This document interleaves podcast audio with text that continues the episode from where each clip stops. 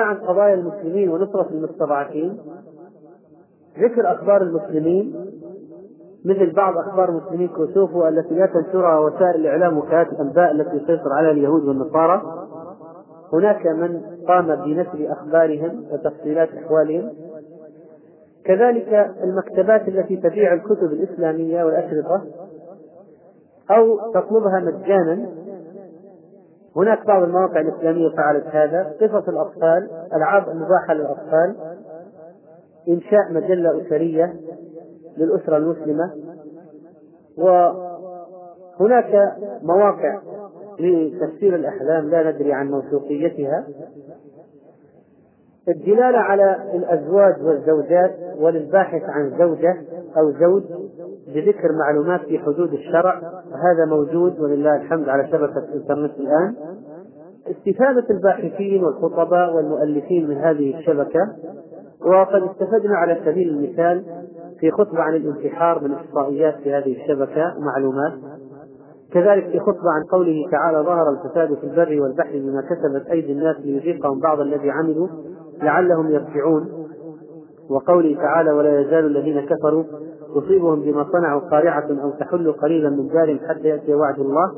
إن الله لا يخلف الميعاد. استفدنا في شرح هذه الآية من الشبكة وإحصائيات عن الزلازل وحوادث الطائرات والقطارات والانهيارات. في شرح قوله تعالى ولا يزال الذين كفروا تصيبهم بما صنعوا قارعة وتحل قليلا من دارهم. أي بسبب تكذيبهم لا تزال القوارع تصيبهم في الدنيا أو تصيب من حولهم. ليتعظوا ويعتبروا كما قال تعالى ولقد أهلكنا ما حولكم من القرى وصرفنا الآيات لعلهم يرجعون وقال عز وجل أفلا يرون أن نأتي الأرض ننقصها من أطرافها أفهم الغالبون؟ وقال عكرمة في رواية عن ابن عباس قارعة أي نسبة كما ذكر ابن كثير رحمه الله في التفسير استفدنا من هذه الشبكة في معلومات لشرح هذه الآية. استفدنا من معلومات عن الأمراض لشرح قوله صلى الله عليه وسلم لم تظهر الفاحشة في قوم قط حتى يعلنوا بها. إلا فشى فيهم الطاعون والأوجاع التي لم تكن مضت في أسلافهم الذين مضوا. والحديث رواه المادة والحاكم الصحة الألباني. في شبكة معلومات عن طواعين غريبة كفيروس إيبولا بالإضافة إلى معلومات عن مرض الإيدز نستفيد من بعض اعترافات الكفار في إقناع الناس بأمور شرعية. كما تنشر بعض مراكز الأبحاث لديهم عن أضرار الكحول مثلا أو المخدرات. ومن العجيب أنني وجدت في بعض المواقع التي يشرف عليها المورمن وهي طائفة من النصارى تهتم ببعض الأخلاقيات علاجات جيدة لمشكلة العادة السرية. يمكن الاستفادة منها أيضا. الاحتساب في الرد على أعداء الإسلام والتصدي لهم باستخدام قنوات المناظرة والمحاورة في نيوز جروب. ولكن أيها الإخوة يشترط في المحاور المتصدر للردود أن يكون ذا علم صحيح وشرعي جيد. وأن يكون هناك من يترجم له ترجمة دقيقة وأن يفهم حال القوم المحاورين من الكفرة ولغة الخطاب الذي يؤثر فيهم. وهذا الاحتساب من الواجب في الأمر المعروف والنهي عن المنكر الواجب العظيم. وقد مر معنا الحجم الكبير للباطل المنشور والموجود ونحن على يقين بأن الله متم نوره ولو كره الكافرون. والذي نحتاجه هو القيام بالتصدي لهؤلاء والاحتساب عليهم بتخليد باطلهم وإزالة الشبهات. وهناك في بعض مواقع الأخبار تنشر المواقع العامة شبهة في بعض اليهود متخصصين في إثارة الشبهات في نساء النبي عليه الصلاة والسلام والقراءات السبع وغيرها. وبعض المسلمين يردون لكن مع الأسف يردون بجهل أو بأشياء غير مقنعة وبعضهم يرد ردود جيدة. الحقيقة أن من أوائل من قام بالتصدي لهذه الأشياء وذكرها الطلبة المسلمون الذين يقيمون في الخارج. هم من أوائل من أدخل الصفحات الإسلامية وقام بواجب الاحتساب الذي ينقصه الكثير والكثير جدا على هذه الشبكة. والمطلوب الآن من كل من لديه علم أو جهد أو فن في هذا الحافل والاتصال أن يقوم بالواجب لله سبحانه وتعالى في نشر الخير والدين والدفاع عن حوزة الدين وتثليث الكفر والشرك والرد على شبهاته. إننا نحتاج حقا إلى دعاة واعين وطلبة علم من النبهاء الذين يوصلون للناس كلام العلماء والذين يحسنون الأسلوب في الرد. إن هناك من الأخيار من أقاموا مواقع تتعلق بالدعوة إلى الله وبعضها تتعلق بدعوة الكفار خصيصا وبعضها تتعلق بدعوة المسلمين الذين ضاعوا في بلاد الغرب. هذا نموذج لأحد هذه الصفحات التي تقدم خدمات. فمثلا تعلن عن مواقع إسلامية جيدة وكيف تدخل إليها وهذا كثير ولله الحمد في المواقع الإسلامية أنه يعلن بعضها عن بعض كما يعلن الكفار وأهل البدعة عن بعضهم بعضا وكذلك هناك خدمات تقدم عبر الصفحات الإسلامية غير مسألة نشر العلم. هناك موقع آخر ونموذج من النماذج الذي يقدم معلومات كثيرة شرعية بلغات مختلفة من الأندونيسية والماليزية والسواحلية وغيرها وفيها ركن للصوتيات وركن للفتاوى والأسئلة وركن للغات المختلفة وركن للمرأة المسلمة وركن للطفل المسلم وكذلك ما يتعلق بالصلاة واتجاه القبلة. والمواضيع الدورية في الأعياد والصيام وعشر ذي الحجة ونحو ذلك وعناوين المكتبات الإسلامية الموجودة ووسائل الاتصال بالمسلمين في المراكز الإسلامية مواعيد المحاضرات المخيمات الإسلامية الموجودة في الخارج. وهناك بعض الصفحات التي تهتم بالإجابة على الأسئلة وإن فتح المجال قد أدى إلى نتائج عجيبة. فمثلا هناك من الكفار من يسأل أسئلة عن الإسلام أسئلة جادة. أحد اليهود يريد تفسيرا موثوقا للقرآن الكريم وأحد النصارى يسأل عن ما هي نقطة الانطلاق للدخول في هذا الدين؟ وهذه أيضا امرأة أخرى تسأل عن أنها تريد الدخول في الدين لكن تخشى على أمها المريضة إذا سمعت الخبر. وهذا رجل أعمى يقول أن لديه كلبا يقوده مدرب على قيادة العميان يريد الدخول في الإسلام لكن يخشى على نفسه إذا دخل المسجد أو المركز الإسلامي أن يطرده المسلمون. فماذا يفعل؟ وهذه امرأة تقول أنا تريد الدخول في الإسلام وهي وحيدة في بلدها فإلى من تتجه وليس هناك مركز إسلامي وآخر يقول إن له صديقة وأولاد بالحرام ويريد الآن التوبة من كل شيء فماذا يفعل؟ وهذا يقول يريد الإسلام ولا يعرف اللغة العربية فماذا يقول وكيف يصلي؟ وهذا سؤال عجيب من شخص يقول في المعلومات التي أوردها عن نفسه في السؤال يقول أنه ذكر اسمه خدرو دي لافونتي وعمره 35 سنة من كولومبيا مشغل وأمام خانة الدين كتب لا دين ويقول في سؤاله Is it allowed for a Muslim to use drugs like cocaine? Here in Colombia, 70% of the people use it. When I want to become a Muslim, must I stop it? I am waiting for your answer. فهو يسأل هل يجوز في الإسلام استعمال المخدرات وأنه في كولومبيا وأنه في كولومبيا 70% من السكان يستعملونها وإذا دخل في الدين هل يجب عليه أن يتوقف عن استعمال المخدرات؟ ومثل هذه الأسئلة قد تبدو لبعضنا أسئلة ساذجة وبسيطة بالنسبة لهؤلاء أسئلة كبيرة هذه فتاة صغيرة تريد الإسلام وهذه امرأة تريد الإسلام وزوجها رافض وهذا شخص يريد الإسلام ويسأل عن الختان وهل يجب عليه أن يغير اسمه أم لا؟ بل إن من العجائب أن بعض الكفار يسألون أسئلة دقيقة. فهذه امرأة نصرانية تقول أنها تريد أن تقرأ ترجمة للقرآن وأن لديها ترجمة بلغة قومها وأنها قد قرأت في الصفحة أو الموقع هذا الإسلامي الذي يعنى بالإجابة عن الأسئلة. أن الكافر لا يجوز له مس المصحف غير المسلم لا يجوز له مس المصحف. فتسأل هل يجوز لها أن تمس الترجمة؟ وأنها تعتقد أن الترجمة ليست مصحفا وأن يمكن أن تمسها وهي حائض. فهل هذا الاستنتاج صحيح؟ ولما كان الجواب بأنه استنتاج صحيح يدل على صفاء عقلها وجودة ذهنها وأن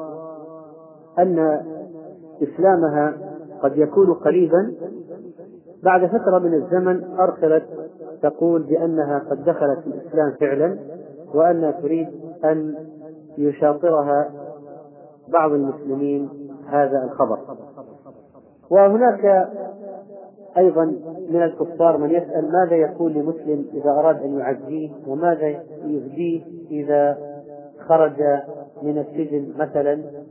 وهل تبول أمام المسلمين يجرح شعورهم؟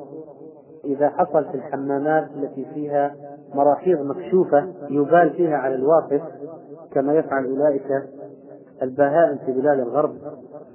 أشياء تدل على أن المجال مفتوح وواسع جدا للدعوة وأنه بمجرد رفع الشعار وعرض ما لدينا سيكون هناك إقبال كثير من غير المسلمين. وهذه تجارب واقعية لا أقولها من فراغ وإنما من خلال ممارسة أنه يجب علينا أن نقوم لله بالحجة وأن الله سيسألنا عن هذه الإمكانات المتاحة ماذا فعلنا من أجل استخدامها في نصرة دينه؟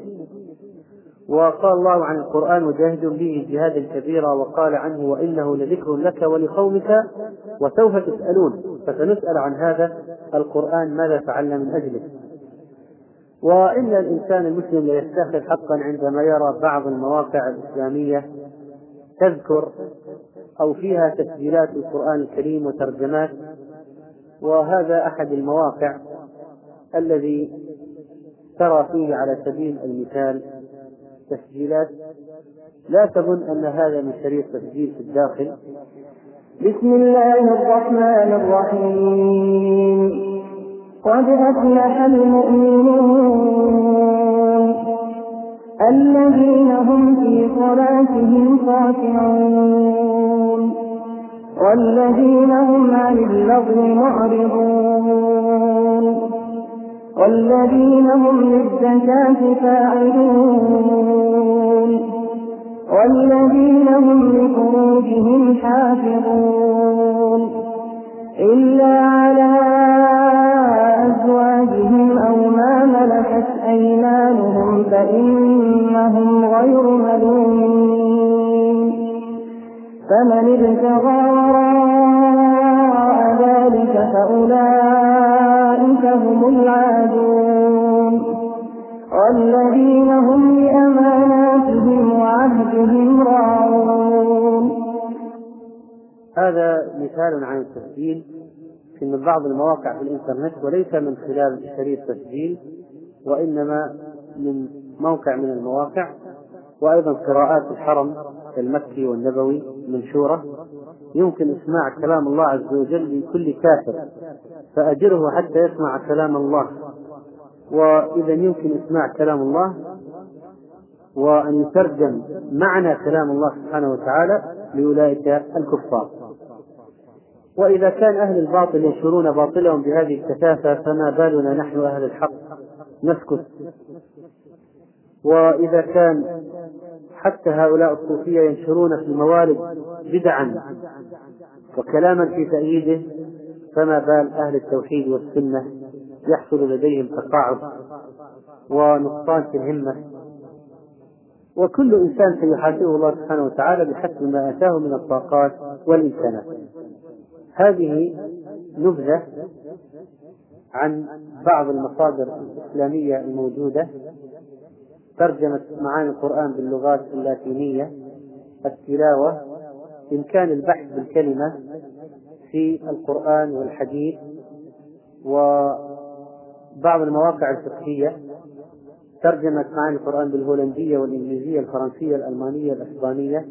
كل هذه المواقع تحتوي على هذا الأمر والماليزية مواقع خاصة بالحديث البخاري مسلم أبو داود بن مالك وغيرهم الحديث القدسي الصفحات الإسلامية باللغة الدنماركية الفرنسية الأندونيسية الإيطالية البوسنية لغة الملايو البرتغالية السويدية.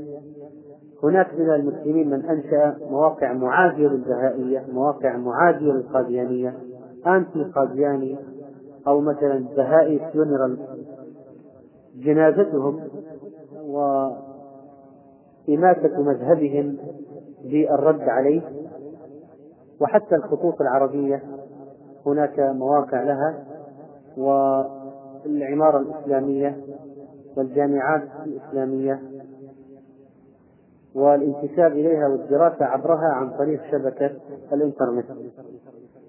وبذلك نكون قد أتينا على نهاية هذا العرض لشبكة الإنترنت الأضرار والفوائد ونسأل الله سبحانه وتعالى أن يعلمنا ما ينفعنا وينفعنا بما علمنا وأن يجعلنا ممن نصر بهم دينه وأحيا بهم سنة نبيه صلى الله عليه وسلم. والله تعالى أعلم.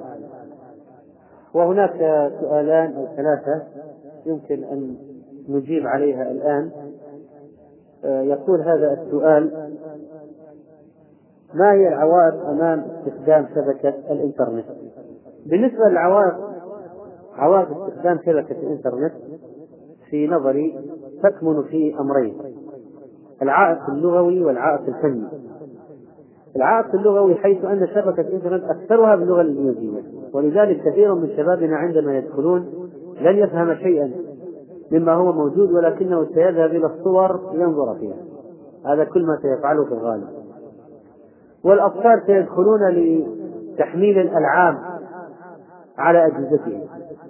وهذا حال كثير من الذين يستعملون ما يسمى بالإنترنت كافيه أو مقاهي الإنترنت.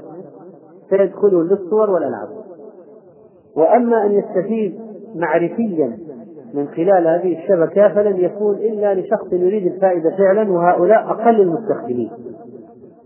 ولذلك فإن انتشار الوعي بالكمبيوتر وهذا حادث ومعروف الإقبال على شراء الأجهزة في السوق الآن وعدد الأجهزة التي تباع بازدياد في معارض الحاسب في المناطق المختلفة وعلى الدورات والمشتركين في دورات الكمبيوتر وبالتأكيد أن الإنترنت سيكون لها دورات تدريبية وسيدخل فيها كثير من الناس لتعلم كيفية استخدام الشبكة خصوصا وأن الأمر من خلال النوافذ والبرامج سهل وليست المسألة بهذا التعقيد. فيتم التغلب على الجوانب الفنية من قبل البعض وأيضا باستخدام الشركات التي تركب الاتصال وخصوصا من طبقة الأغنياء. الذين لا يهمهم عدد الساعات التي تقضى ما دام عنده نقود يدفعها. فالعائق اللغوي والعائق الفني هما العائقان للاستفادة من هذه الشبكة لكنها قد تكون إيجابية إذا كان المستخدم يريدها في الشر لأنها تحرمه من أو تمنعه بالأصح من قراءة شر كثير وهذا نافع طيب يقول السؤال ما هو مستقبل اللغة العربية؟ أو ما هو وضع اللغة العربية وحالها في شبكة الإنترنت؟ والجواب أن اللغة العربية في شبكة الإنترنت تعيش في حال مأساوي من جهة قلة المواقع العربية من جهة. أولا وقد ذكرت بعض الإحصائيات أنه من إجمالي عشرين مليون صفحة في شبكة الإنترنت يوجد فقط 322898 صفحة عربية. نحن نقول صفحات وليس مواقع لأن الموقع يتكون من صفحات الموقع قد يكون فيه آلاف الصفحات وربما أكثر عشرات الآلاف أو مئات الآلاف. فالآن من بين عشرين مليون صفحة عشرين مليون صفحة في الإنترنت يوجد فقط ثلاثمائة ألف تقريبا صفحة بالعربية. أما المواقع الإسلامية في الإنترنت فربما لا تتعدى المئات وأنا كنت أظنها بالآلاف ولكن لا يظهر ذلك مع أن هناك ازديادا وستبلغ الآلاف إن شاء الله لكنها ليست كثيرة الآن. من ضمن العوائق عدم وجود نظام عربي موحد وفاعل للمتصفحات العربية. الآن المتصفحات توجد بلغات كثيرة لكن العربية سبحان الله لا يعملون على تطويرها في الخارج. وهذا من باب حربهم لنا وإلا فإن لها سوقا. والآن هناك تعريف للمتصفح نتسكيل نافيجيتور هناك تعريف له اسمه السندباد و Microsoft Explorer بدعم اللغة العربية أيضا يمكن أن ينفع في قراءة اللغة العربية في المواقع. ولكن هذه المتصفحات لا تزال تعاني من مشكلات كثيرة. فمما تعانيه قلة الأدوات التي تدعم اللغة العربية مثل محركات البحث فهارس المواقع العربية. لا تكاد تجد في الإنترنت بحث موضوعي أو بحث بالكلمة في اللغة العربية. كذلك هناك ندرة شديدة في أدوات النشر بالعربية. فمثلا لا يوجد تعريف جيد لبرنامج فرونت بيج الذي يقوم بتصميم المواقع والواجهات فأدوات التصميم والإنشاء والإدارة للمواقع العربية يعاني تخلفا كبيرا. ولذلك فإن الاستفادة من الإنترنت في اللغة العربية لا يزال محدودا. وبعض المواقع مثل بعض الجرائد فيها في الصفحات العربية صور وليست نصوص. لأنه لا يمكن إدخالها عن طريق النص ولا يقرأ إلا بمتصفحات معينة قد لا تصل إلى أكثر القراء في العالم. ولذلك فإنها تحمل على في الموقع في الشبكة على شكل صور وليس على شكل نصوص. وبالتالي نفقد إمكانية البحث فيها بالكلمة أو بالموضوع. لأن الصورة لا يمكن البحث فيها بالكلمة كما هو معلوم. ولذلك نحتاج إلى جهود جبارة من قبل الخبراء في تطوير البرامج الداعمة للغة العربية على شبكة الإنترنت. ولا شك أن دعم اللغة العربية يؤدي إلى نشر الإسلام. هذه مسألة واضحة ومعروفة. دعم اللغة العربية يؤدي إلى نشر الإسلام. لأن العربية هي لغة القرآن والسنة.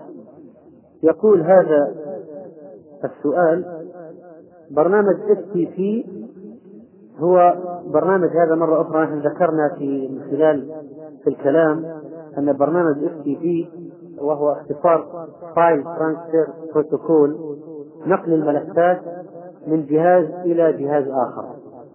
وهناك برنامج آخر يتحكم في الجهاز من بعد. يمكن أن تجعل شخصا يتحكم في جهازك وأن يبرمجه وأن يدخل فيه أشياء معينة أو يصلح خلل معين. هذا من الأشياء الممكنة في شبكة الإنترنت. غير برنامج نقل الملفات وتبادل الملفات. يقول ما معنى كلمة إنترنت؟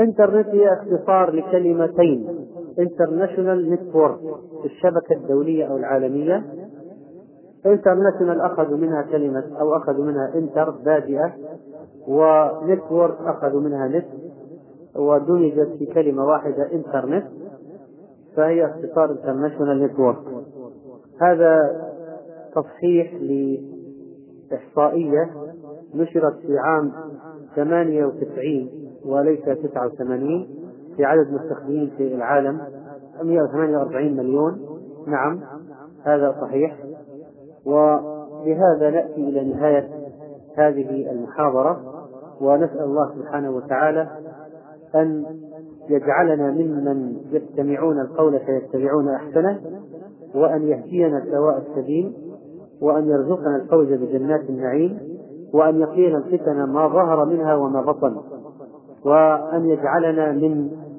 الذين يمنعون المنكر أيها الإخوة وأختم بهذه النصيحة التي دخلت الآن.